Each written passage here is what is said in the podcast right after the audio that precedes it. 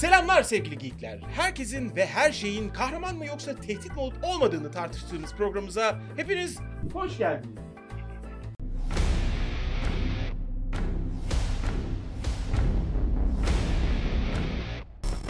Ömercan gündemi takip ediyor musun? Hayır. Çok az. Çok çok az. Uzaya Yani- çıkıldı. Ama yani ta- senin de takip ettiğin bir Anayasa. yani Anayasa sıçtı. anayasa sıçmadı. Ha evet Yani anayasa. işte. Evet doğru. Milletvekilliği falan. Ya bunu bunu aslında böyle konuşmak isterdim ama bunu konuşacağımız zaman biliyorum ki gündemi takip etme işimizle bu konudaki güncel bilgilerimizin az oluşundan dolayı ortaya çıkacak yüzeysel bir yorum olacak Evet. ve en yüzeysel yorumu da yapayım. Abi ortada yanlış giden bir şeyler herkes için olmak zorunda. Şimdi burada e, illa bak girmeyeceğim dedim ama girdim. Şimdi burada karşı görüş şey ya hani işte bunlar işte ne bileyim böyle terör örgütü destekleyicisi vesaire falan filan. Konunun ne olduğunu bilmeyen için bir cümleyle özetlesene kardeşim. Bir cümleyle özetleyeyim. Can Atalay'ın milletvekilliği düşürüldü. Heh, o da tip milletvekiliydi. Evet tip Ee, milletvekili Adamcağız, Hatay'dan. şey- yani milletvekiliydi. adamcağız dedim ama tanımam etmem aslında. Şeydi cezaevindeydi. Cezaevindeyken aday oldu. Değil mi? Evet. Şeyin otorite diyelim ya da devlet ya yandaş e, medyanın argümanı ya kardeşim e, işte anayasa bozuldu etti falanı geçin. Bence bence yandaş deme deme. Yani bence bunu diyelim? dememek lazım. yandaş demek bir tarafın istemedim. argümanı. bir tarafın ar- çok Yani teşekkür çünkü- ederim. Ne kadar ateşe olsana lan sen. Ben güneşe ateş ederim. Ya tamam ateşe ol sen işte. tamam. Ateşe! Neyse onlar diyor ki efendim hani ilk defa cezaevine girmiş birisini sırf oradan çıkartmak için milletvekili yapmaya çalıştılar. Kanunun bir açığından faydalanmaya çalıştılar diyor bir taraf. Öbür tarafta kanun kanundur. Bu insan millet şeyin eee, halkın iradesini seçtiği bir temsilcidir. Kurallarda, kanunlarda işte bu durumda ben detay bilmiyorum da sonuçtan anladığım kadarıyla evet evet. işte cezaevinden çıkması ve milletvekilini gerçekleştirmesi anlamına geliyor. Ya burada aslında şöyle bir durum var. Şimdi normalde bu mesela işte münferit bir olay sayılabilmesi için bunun Hı hı. işte ne bileyim bizim Türkiye Cumhuriyeti'nde son 20 senede böyle bir şeyin bir defa olmuş olması gerekirdi. Hı. Deriz ki o zaman ya kardeşim yani böyle şeyler Emsali bizde var. olmuyor ki. Emsal, yani emsal bunlar- oyunları. Dur emsalle gelmeden önce böyle bir şey bizde olmuyor ki. Bunlar biraz şey artık yani e, belli ki burada bir bittiğini var daha net diyebiliriz. Neyler bizde olmuyor? Ya işte bu tip böyle e, durumlar hani bir, bir kısmının argümanı işte bir açık bulundu. Ha, işte ihlal edildi, yalanlar çıkarmak için falan filan gibi söyledin ya. Şimdi fakat şöyle de oluyor. Mesela işte Avrupa İnsan Hakları Mahkemesi'ni işte üyeyiz ama oradaki kararlar hiçi sayılıyor. İşte o zaman işte egemenlik falan deniyor. E bu sefer Anayasa Mahkemesi yani egemen kültürün en yüksek e, mercihi bir karar veriyor. Onu hiçe sayıyorsun. Abi bir Bu kere sefer diyorsun ki işte biz Anayasa Mahkemesi tanımayız. Şimdi böyle şeyler olunca şu argüman diğerlerinin hepsinin yanında en kıymetli bir şekilde böyle altın değerinde parlayarak orada gözümüzün önünde duruyor. O argüman da şu. Bu anayasa uyulacaksa her türlü hepsine uyulacak. Uyulmayacaksa o zaman meşru, meşruiyetinizi tartışmaya başlayacağız. Cumhurbaşkanının da çünkü anayasadan aldığı hükümle seçiliyor. Milletvekillerinde çünkü anayasadan aldığı hükümlerle Peki seçiliyor. Cece bak şu an gerçekten... Bunun dışında bu konuyla ilgili her şey Hı hı. ad hominem geliyor bana. O ne demekti? Yani safsata geliyor açıkçası. Niye safsata demiyorsunuz bunu? E çünkü biraz bilmiş gibi gözükeyim diye. yani. bu programda niye yapıyoruz? Seni dinlerken şu his hani bu dünyada ilk defa Türkiye'de ilk defa tabii ki bana gelmiyor. Üzerime gelmedi değil. Abi biz gene konuşuyoruz kendi aramızda. Anayasa kuralı şudur, anayasa budur. Sen şey dedin ya anayasanın meşruiyetini Evet. e, işte şey yapıyor filan. Evet. Yani e, sayın abilerimiz diyeyim ya da sayın işte devlet görevlimiz zaten galiba hiç meşru falan görmüyorlar yani. Hani bu, bu muhabbet aşırı yüzeysel ve aşırı hmm, klişe ve çok tekrarlanan bir şey ama işte onların ciddiye aldığı kurallar kitabı başka bir kitap belli ki falan filan. Ya bu bunu bundan başka tepki vermek gerçekten zor bu durumda. En azından benim bilgi düzeyimde. Ya işte burada tepki vermek bence yani tepki vermenin herkesi birleştiren bir alt teması olmasına rağmen yani anayasayı işte ayaklar İhlal altına edildi. aldık, Hmm. ihlal ettik. Bir seferde değil ha. 3-5 seferde. Tabii canım. O şeylerde falan da işte o kavalının mavalının e, mahkumiyeti falan bak, da var. İşte verdiğimiz örnekler aslında ortak kümesi şu. Hep iktidara muhalif kümelerden oluşuyor. Hatta güya vatan haini bu insanlar. Evet yani bir kısmının bir şeyine göre bir argümanına göre de öyle. Şimdi burada Önemli olan şu böyle şeyi ayırabilmek. Hocam anayasaya uymak bir şey. Çünkü neticede Anayasa Mahkemesi'ne başvuruyorsun. O da devletin bir organı, bağımsız bir organı. Orada bir karar alıyor tamam mı? Başvuruyorsun değil de Hı hı. otomatik işte oraya devroluyor vesaire. Bir karar alıyor. Şimdi sen ona uymayacaksan yani ben buna uymadım, buna uydum. Bu beni ilgilendirmez. Bu karar bana okey. Bunun bir anlamı yok. Şimdi burada konunun ne olduğunu ayırmak gerekiyor. Sen konuyu yine tartış. Sen Ya. konuyu yine kamuoyu yarat de ki bak Anayasa Mahkemesi böyle karar verdi. Elbette ki tanıyacağız ama ben ısrarla doğruları söylüyorum. Bu adam işte hapisten çıkmamalı de. Abi yani zaten fikrini bak- zaten söyle. bak zaten Bunda bir sıkıntı yok. Cevdet yani şu gelip gelip dönüp dönüp dolaşıp şu ülkede şu konuşuluyor her defasında artık ve gerçekten Allah belasını versin bunu konuşmak zorunda kalmamız. Selamül kavle. Dur bir insana demedim merak etme. Bir durumun e, belasını Olsun. okudum şey olmaz. bir şey olmaz. Babaannem ne derdi hatırla? Bela okumak yedi düele eee, şey yapar. Atma lan götünden böyle bir şey hatırlamıyorum ben anneannemin söylediğini. Allah Allah, sana söylememiş olamaz mı yani? Anneannemi babaannemi herkesin ve her şeyin böyle olduğunu tartıştığımız falan. Ee, günün sonunda hocam atıyorum mesela Kılıçdaroğlu da şeye Babala TV'ye çıktığında falan şey muhabbeti gene orada da konuşuluyordu ya ki birçok yerde konuşuluyordu işte. İşte yok Demirtaş'ın Kavala'nın mahkumiyeti konusunda falan filan. Hani o zaman da adam şunu söyleyip duruyordu yani. Ya kardeşim bu insanların ben Kemal Kılıçdaroğlu olarak, sen Cevdet Canver olarak, öbürü Hikmet bilmem ne olarak suçludur, suçsuzdur. Cezası çekmelidir, çekmemelidir filan. Bunu düşünmek, söylemek bize düşmez.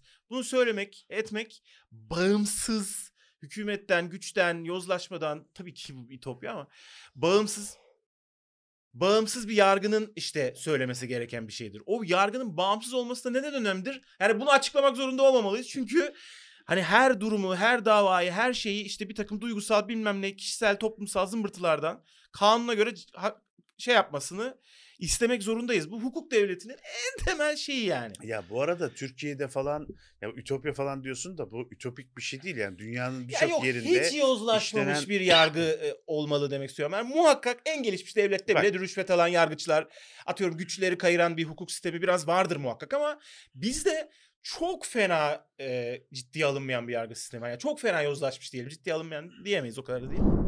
Şimdi burada insanların böyle prensipli insanların bazı çizgileri var. İşte bana sen çok kötüsün, sen çok böylesin, sen çok şöylesin diyebilir ama benim anama küfür etmesin kardeşim orada da. Çünkü bu da işte davalık sebebiyet veriyor falan. Ya bu Ben- yeterli gelmiyor bana. Sen bitir lafını. Ee, ben geçmişte böyle düşünürdüm. Yani çok uzak bir geçmişte değil. Bu YouTube macerası içerisinde. Evet abi hakaret ne?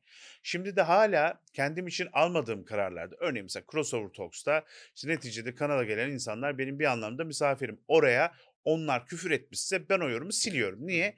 Çünkü onu yapmak istemiyorum. O sanki başkası adına karar almak gibi. Halbuki bana küfür edildiğinde Hı hı. ilk yapardı dedilerdi falan. Ben eskiden ona hayıflanır bir şey derdim. Abi fikrini söyle ama işte hakaret ne oluyor? Şimdi şöyle diyorum. Okey abi insanlar bir yerden şey yapmak zorunda. Yani laf bunun sonunu getirmiyor ya. Hani bana işte anneme hürmetlerini söylediği açık açık bir işte mail şey yorum attığında benim annem gıdıklanmıyor ya orada hani günün sonunda. Tamam çok kötü bir tabir oldu ama yani Yo, vallahi Ali İhsan Varoğlu'la konuşuyor gibi hissediyorum kendimi. Helal olsun. dolayısıyla şey yaptım. Şimdi şey garip şey. Saldım. Ee, belli falan. Küfür edin. Demek değil bu. Ee, bu hadi bu konuyu internette tanımadığın insana yorum yapmaktan genel olarak küfür, hakaret mi, tehdit mi, küfür nedir falan onu konuşmaya getirelim. Çünkü Peki. bu küfür yani hani müstehcen küfürler şimdi ben de tamam algoritmamızı zedelememek adına örnek vermiyorum. Evet. Ama işte bel altı bilmem ne, namus bilmem ne üzerinden falan filan genelde bağda şey yapılmış, form e, kurulmuş küfürler e, bana her zaman komik gelmiştir. Çok gülünç gelmiştir. Yani açıkçası çocukken tamam mı ilkokulda Saniye Apalı sayın ilkokul öğretmenim. İlk defa ilkokul 2 miydik, 3 müydük, 4 müydük artık hatırlamıyorum. Birisi bir çocuk birisi gelip öğretmenim işte Oğulcan bana salak dedi filan dediğinde peki sen salak mısın evladım? İşte yo falan o zaman onun demesiyle oluyor musun? Cümlesini duyduğum an bir insanın bir insana hakaretsel, küfürsel bir şey söylediğinde bunda bir fazla reaksiyon gösterecek bir şey olmadığına karar vermiştim açıkçası.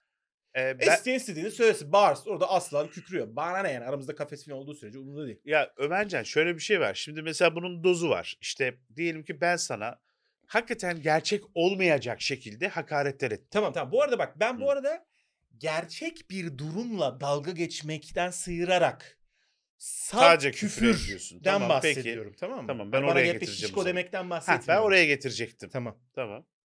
Yok Sen yani bitir. o hassas olduğun bir konuyu dalga geçmek deşmek o farklı bir şey. Evet o biraz şey gibi yani böyle işte ateşe körükle Ben gitmek rastgele küfürden bahsediyorum ve Evet. benim o yüzden bazı arkadaş ilişkilerimde o biraz karşılıklı şeyime bağlı yani arkadaşlık seviyeme bilmem neme bağlı falan. Çok ağzım bozuk oluyor. Yani kendimi rahat hissettiğim zaman ağzım bozuk olabiliyor. Çünkü küfürü hani hiçbir zaman ciddiye almıyorum filan. Ve örneğin çok tanıdık bir isim üzerinden örnek vereceğim. Bir defasında Can'ın, Sungur'un yani alınmasına sebep olmuştum abi. Yani böyle ka- kavga etmiyoruz da böyle şakalaşarak birbirimize laf sokuyoruz. Can'ın o ukala tavırlarını bilirsin. Böyle saldırıyor mu yoksa espri mi yapıyor anlayamadığın suratında öyle gıcık ifade bir şeyler söyler falan filan ya. Ee, ve böyle konuşurken ederken ben de hani e, işte şey dedim. E, e, hayat kadını evladı dedim. Oldu mu? Hmm. Bayağı Ya ama böyle böyle hak kızarak mı. Hadi Tabii, tabii. he he he falan derken tamam mı? Bir cümle iki cümle sonra bu böyle bir köpürmeye bir, bir şey oldu. Zaten şöyle bilmem ne falan falan. Ben de hani anlamadım falan. Bir de öyle diyorsun dedi. Aa dedim öyle dediğime bozulmuş. Oysa ben hani samimiyetimize göre rahat rahat konuşuyor falan. O bana buna benzer bir söylese zerre alınmam yani. Ya işte bazen şey anlam yani bu ikili ilişkiler için söylüyorum. Yorum için bambaşka bir konu da bazen e, herkesi kendin gibi düşünmemek zorundasın. Çünkü prensip böyle bir şey ya. Tabii Yani- altın kural. Tabii. Confucius. Gü- Günün sonunda Bana nasıl davranılsın istiyorsam ben başkalarına öyle davranırım. ama sadece öyle yaptığın zaman mesela ben küfüre alınmam dolayısıyla küfür ederim oluyor ya bu.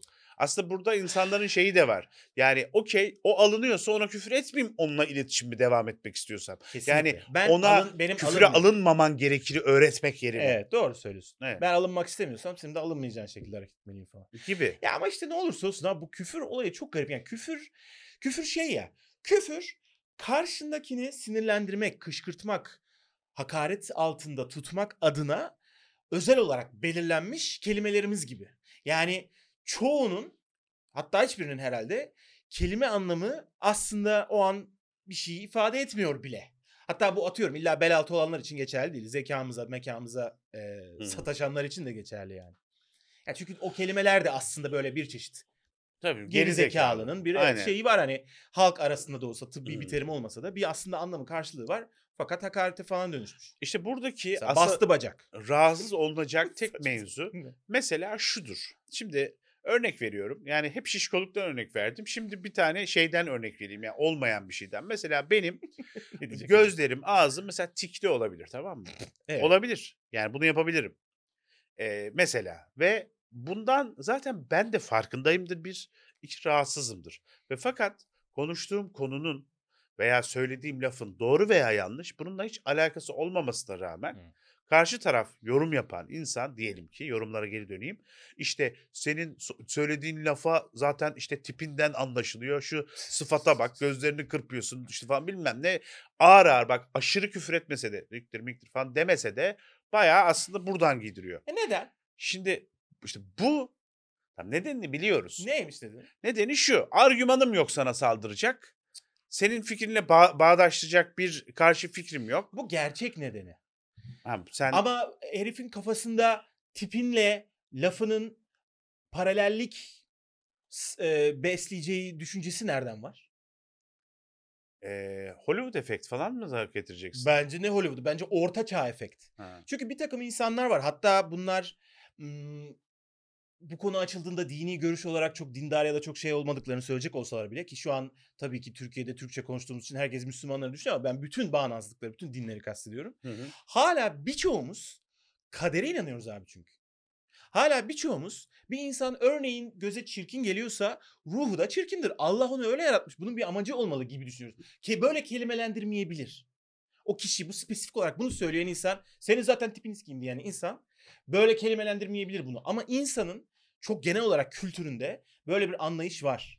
Biz bu bizim hatta bence çok genel anlamıyla benim senin kişisel olarak değil oturup düşünüp tartıştığımızda asla böyle bir cümle kurmayız ama toplumsal bir psikoloji olarak hepimiz böyle kalkıp da mesela ne bileyim onun dağları, taşları, ı, hanları, hamamları var. Burada çoğunluk açlıktan ölüyor filan. Bu tarz düzenleri kalkıp da hop diye hayvan gibi hep beraber yıkma işimizin sebebi biraz hala il- ilahi bir müdahale olduğuna inanılmaya çalışılıyor olması. Zaten çok büyük bir kesim çatıştır inanıyor. O zaten kocaman bir irade. Ama bizim gibi ateist falan geçinene bile tesir edecek kadar neredeyse. Ki o şey yapayım diyen zaten benim gözümde benim dünyamda uzak olduğu için hani ateist falan değildir ama bu saçma sapan bir ön yargı tabii ki böyle bir şey yok. Evet evet bir ön yargı oldu. Ayrıca e, ateizm kahraman mı? Tehdit mi? Hep din dinle ilgili, dinin yan kümeleriyle ilgili bir şeyler konuşuyoruz. Halbuki ateizmle ilgili konuşmuyoruz Ateizm büyük hiç. tehdit abi. Neden? Tehdit, tehdit. Çünkü e, Düzeni gerçekten yıkar toplu olarak inanıldığında. Bak Düzeni- inanıldığında diyorum. düzeni yıkmasını geç yazık değil mi abi insana? Yazık değil mi yani? Şu evrende bir tanecik ömrün olduğunu, koca evrende insanlık olarak yapayalnız olduğumuzu, hiçbir şeyin bize yardımcı olmak için orada hazır beklemediğini, bizi kollamak için bir gücün orada e, hazır beklemediğini, bize şefkatle, sevgiyle, işte babacan, anaç filan bir şekilde yaklaşacak bir şeye inanamamak perişan bir şey değil mi Cevdet? O zaman burada yine bir işte bilmiş gibi görünmek açısından tek tük bildiğim Nietzsche sözlerinin den bir tanesini de söyleyeyim. Elsa çok Bakalım söyledi faydası bunu. olacak mı bize? Ee, if e, God e, did, didn't invent it would be nec- yok it ha if God didn't exist it would be necessary to invent him. Eğer Allah olmasaydı onu icat etmek gerekirdi, Gerekirdi zaten. diyor aslında. Ama Çünkü sonra hani böyle bir- falan da diyordu şey Yani kafir. kavramları neticede bilim yapmıyor herif. Kavramları birbirine karıştırmayalım ama burada senin dediğini aslında söylüyor. Hmm. Yani e, bizim ihtiyacımız var. Abi, Bu bilinmezlikte bir kesinlikle. ışığa ihtiyacımız bak var. ben işte, e, bir organize din olan birçok dine ciddiye bile almıyorum. Fakat ben inançsız biri miyim? Bence hayır. Bence benim inandığım bazı şeyler var. Mesela kaynağını da söyleyebilirim. Anamın babamın bana aşıladığı bir takım değerler. Yani ben mesela işte atıyorum yolda cüzdan bulsam ilk tepkim bunu gerçekten şeyine götürmeye çalışmak olur. Ha şunu itiraf edeyim bu biraz tuzum kuru olduğu için de oluyor. Yani açlıktan ölüyorsam tabii ki ceplerdim herhalde yani öyle bir şey. Ama hani böyle bir ihtiyacım da yokken Onlar kalk- hep paralel gidiyor işte. O görgüyü almak, o ihtiyaç, öyle gelmek. E, bu ama şey tek demek tük, değil. Tek tük Şey hayat demek değil. hikayelerinde Her, her sosyal sınıflar arası geçiş oluyor sonradan. evet her ihtiyacı olacak olan da gene cebe atar demek de değil bu arada asla. Tabii ki tabii böyle bir şey yok. Ee, Ee, yıllarca İlyas Salman'ın filmlerini izledik hatırla. Yerde para buldu, gitti götürdü. Aç da bu ya arada. tamam, film Ya ne şey insanlar var. Oğlum film ama işte senin Hayır, Ee, gerçek hayatta da bence de olur yani. Ben Senin- de öyle insan Hayır, ben şunu diyecektim. yani. seni sen yapan değerlerden bir tanesi. Mesela ben o filmleri çok izledim. Doğru haklısın. Ve duygulandım böyle. "Öö" diye. Ee, ama ben şuradan e, anlatmaya çalışıyorum. Sonuçta mantıklı düşünelim. Sırf faydacı, sırf hayatta kalma. Mesela ateist insan için böyle bir ön yargı oluyor ya. Bunlar e, yüzde yüz pragmatik. Yüzde yüz pragmatik. O ne demek? Sen şimdi cüzdan buldun diyelim onu ceplersen eğer yakalanırsan hapse girersin atıyorum. O zaman iyi bir şey değil. Ama yakalanmayacağından yüzde yüz eminsen. Kimse yoksa kamera mamera olmayacağından eminsen. Senin oradan geçtiğine dair kayıt olmayacağından eminsen cepleyebilirsin o zaman ateist sen falan gibi oluyor. Ama bak demek ki ya bu arada ateist öyle yaparsın falan demiyorum ben. Sadece öyle gibi oluyor. Öyle dedin. Yani öyle öyle bir argüman var. Ha, ateistler, ha, mesela evet, yani inançlı insanlar için Ee, ya ateistler zaten hani kuralları olmadığı için, ahlak mahlak olmadığı için hani her şeyi yaparlar. evet, evet. İşte ama mesela bu doğru değil. Benim de ahlakım var. Neye dayanıyor o ahlak? İşte annemin babamın yetiştirmesine dayanıyor günün sonunda ama biraz da şeye inandığını düşünmek istiyorum. Sağduyuya inandığını düşünmek istiyorum. Çünkü ben şöyle bir toplumda yaşamak istiyorum abi. Ben sokakta yolda yürürken bayılsam annemi arayamam. Seni arayamam. Bayılmış vaziyetteyim. Ya da yaralandım, kaza geçirdim neyse. Bana sokaktan geçen insan yardım edecek. Hatta sokaktan geçen yardım şey edecek insan sadece ambulans falan çağıracak. Onun yardım seviyesi orada. Tanımadığım insanlar gelip bana yardım edecek. Batı'nın kötü özelliklerinden biri diye bize yıllarca söylenen şeylerden bir tanesidir bu biliyorsun değil mi? Sokakta ölsen o kadar bireysellerdir ki kimse dönüp sana bakmaz. Batı dünyasının özellikle Kuzey Avrupa'nın falan örneğin bize göre çok daha soğukkanlı olup sosyal sözleşmelerinin çok daha sert sınırlara sahip olduğunu biliyoruz. Yani kültürler arasında böyle farklar var. Evet. Biz daha şeyiz. mesela biz- Ailesel falan. Evet. Ama bizde de şey oluyor yani. Bizde de misafir geldi mi mesela kalkmak bilmiyor anladın mı? Yani böyle Hmm. emrivaki birbirinin üstüne yıktığın ah ama görgü ah illa bir şey ikram etmemiz lazım. Ulan tokum dedi yani rejim yapıyorum dedi. Ama illa tatlımızdan yemesi Ya. atıyorum. Bunlar hani bunlar böyle masum örnekler ama Cevdet. Tatsız örnekler de var. Sana çok fazla duygusal ve çok fazla e, içimde büyüyen bir örnek vermek istiyorum. Çok duygusal ve çok kişisel Bakalım ne ve ya şöyle bir şey. Yani biraz böyle hani e, söylediğimin günün sonunda çok da doğru olmadığının farkında olarak söyleyeceğim bir şey söyleyeceğim.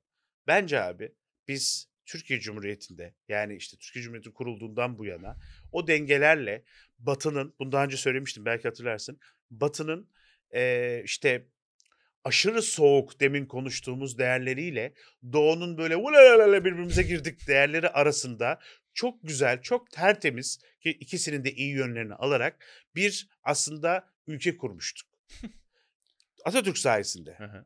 Ve maalesef bu değerlerimiz e, birileri tarafından çok fazla batıya çekilmeye, birileri tarafından da çok fazla doğuya çekilmeye, asla o Anadolu kültürünü, o ikisinin arasını bulan kültürünü ya biz bunu sabitleyelim demeye e, şey vermediler, fırsat vermediler. Hep çekiştirdiler bir yandan.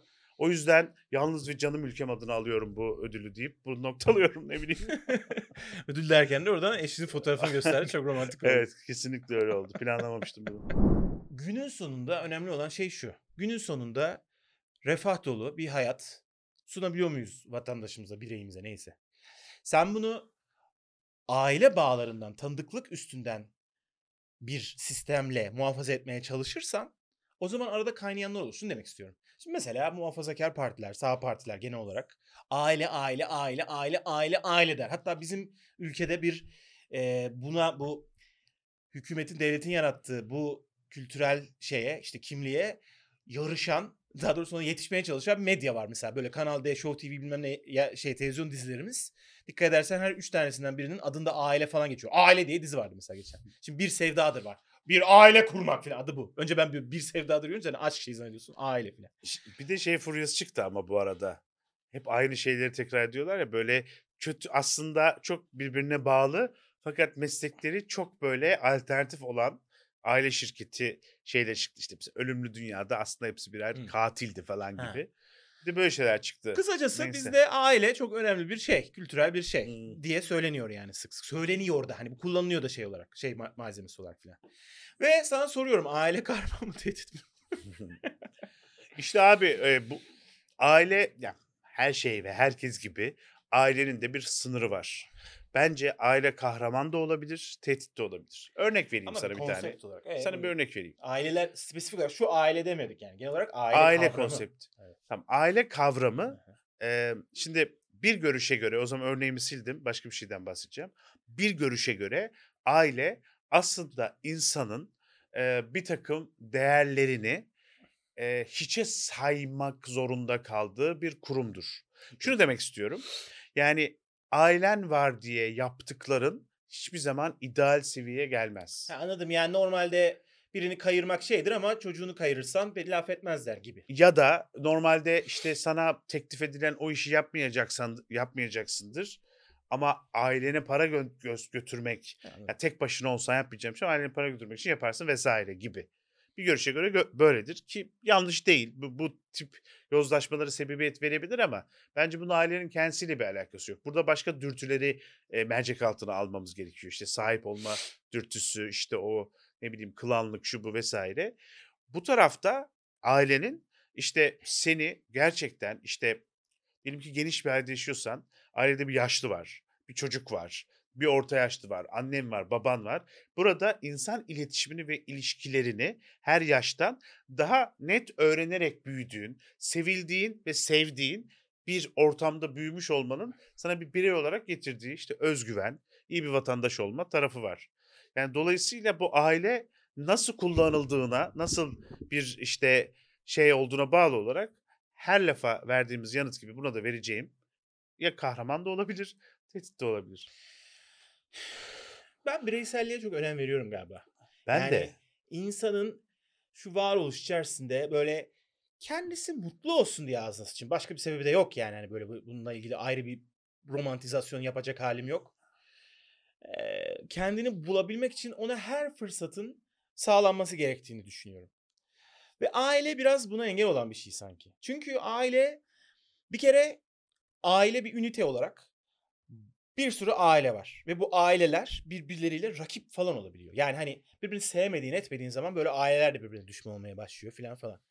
Ve de e, bu nereden çıkıyor abi? Şöyle şimdi bireysel olarak zaten faydacıyız tamam mı? Hani önce herkes kendini düşünür tamam. Ama sonra az önce senin anlattığın gibi yani işte kayırmalar mayırmalar bir şeyler.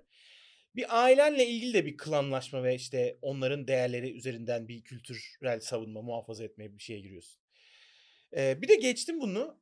Yani hani bu böyle ayrım yaratıyor falan diye sırf bundan dolayı sonuçta ne olursa olsun ayrımlar olacaktır. Ayrımı aile mi yaratıyor? Bir de ama asıl derdim aile çok rastgele bir şey. Kimin çocuk sahibi olup kimin aile kuracağı konusunda hiçbir e, şey yok, kısıtlama yok. Olsun da demiyorum zaten yani kısıtlama demek çok faşist bir yaklaşım gibi oluyor muhakkak. Ama e, yani atıyorum Game of Thrones'da şey vardı ya Craster ailesi. Yani adam var ve bir Hangisiydi o ya? Bir ya işte hatırlasana. duvarın ötesinde yaşayan Ha, ha, hani okey. e, adam var. 15 tane Karısı karısı, var. art yani Kızı. veya kızı var filan. Bu da bir aile yani adam bir tane kadından üremiş. Hmm, Ve hani kimse karışmıyor. Çocuklarını hatırlarsan şey erkek çocukları kurban ediyordu şeye yani. hmm. Şimdi mesela bu bir aile. Bu Ama- aileye mesela yerel otoritenin yani zaten ortaçağ e, fantastik evrende geçiyor da hani normalde olsa böyle bir aileye yerel otoritenin karışma hakkı var mı diyelim. Sen iki insansın. Alan memnun, satan memnun, rıza var, bilmem ne var. Ürüyorsun, çocuklarını yiyorsun filan diyelim. Ya, Kimin buna karışmaya hakkı bir şey var? söyleyeceğim. Bence bunu aile üzerinden tartışmamız doğru değil. Çünkü Biraz bu, devletin tabii tabii şeyi, bu, haklısın, bu birçok e, şeyde geçerli bir şey. Ama aile üzerinden şunu demek istiyorum yani. Ha. Kısacası şimdi çocuğuyla yalnız kalıyor insanlar anladın mı yani? Hani ve yalnız o istediği gibi yetiştiriyor bilmem ne ve bir sürü manyak mı yok insan var. Zaten ebeveyninden zarar gören çocuklar insanlar olduğunu biliyoruz ki en uç örneklere gitmemize gerek yok. Yani Hepimiz gördük. hepimiz biraz görüyoruz filan yani. Ee, o yüzden bana böyle geleneksel aile mantalitesi çok duygusal ve hasbelkader bir şey. Pamuk ipliğine bağlı. Yani çıkacak ortaya çıkacak insanın onu vatandaş olarak mı değerlendiriyorsun? insan olarak mı değerlendiriyorsun? Cool olarak mı değerlendiriyorsun? Ee, iyi- Cool. iyi bir insan olup olmayacağı tamamen şey yani çok yüzde elli falan yüzde elliden düşük belki ihtimalle de hani. Yani bir şey yani hani yazı tura atışı. Ee, manyak mıyık insanlar manyak mıyık insan yetiştirebilir. Buna yani devlet engel olmalı mı olmamalı tamam onu tartışmayalım. Ama aile başıboş bırakılan hani kendi zümresi olan bir şey gibi. Ve ben çok mantıklı bulmuyorum bunu. Orta çağ için mantıklı. Çünkü o zaman zaten sen bir adamsın. Bir kadını himayene aldın. İşte bir şey var yani atıyorum para pul üzerinden dönen bir şey var gene orta çağda. Şimdi Game of Thrones okuyorum bu arada hep aklıma gidiyor. Hani bir askerler tuttun filan ama sen böyle kalene duvarlar örüp kadınını ve onun hizmetkarlarını askerlerle orada fiziksel olarak korumakla yükümlüsün. O zaman aile bir anlam ifade etmeye başlıyor. Tanıdığın insanlar, tanımadığın insanlar filan falan. Ama biz artık öyle bir şey istiyoruz ki aile, tanıdıklık, işte klana bir kabileye ait olmak bunlar senin hayat kaliteni, standartını etkilemesin. Sen kim kimsesiz bile olsan devlet sana sağ, hastalanınca baksın, eğitimini versin. Ama öyle oluyor zaten. Te- kağıt üstünde öyle zaten. Kağıt üstünde biraz öyle. Yani ama şeyde tabii değişiyor iş, işte işte. Değişiyor oluşunun sebebi de aslında biraz da yani fakirlik yani yetişemiyor oluşunun sebebi. Her şeyin ve herkesin ortadan kaldırıldığı kahraman mı yoksam tehdit mi isimli programa veda ediyoruz sevgili dostlar ama programa değil yani bu bölümüne veda ediyoruz. Veda ederken de Ömercan'a gülücükler saçıyoruz.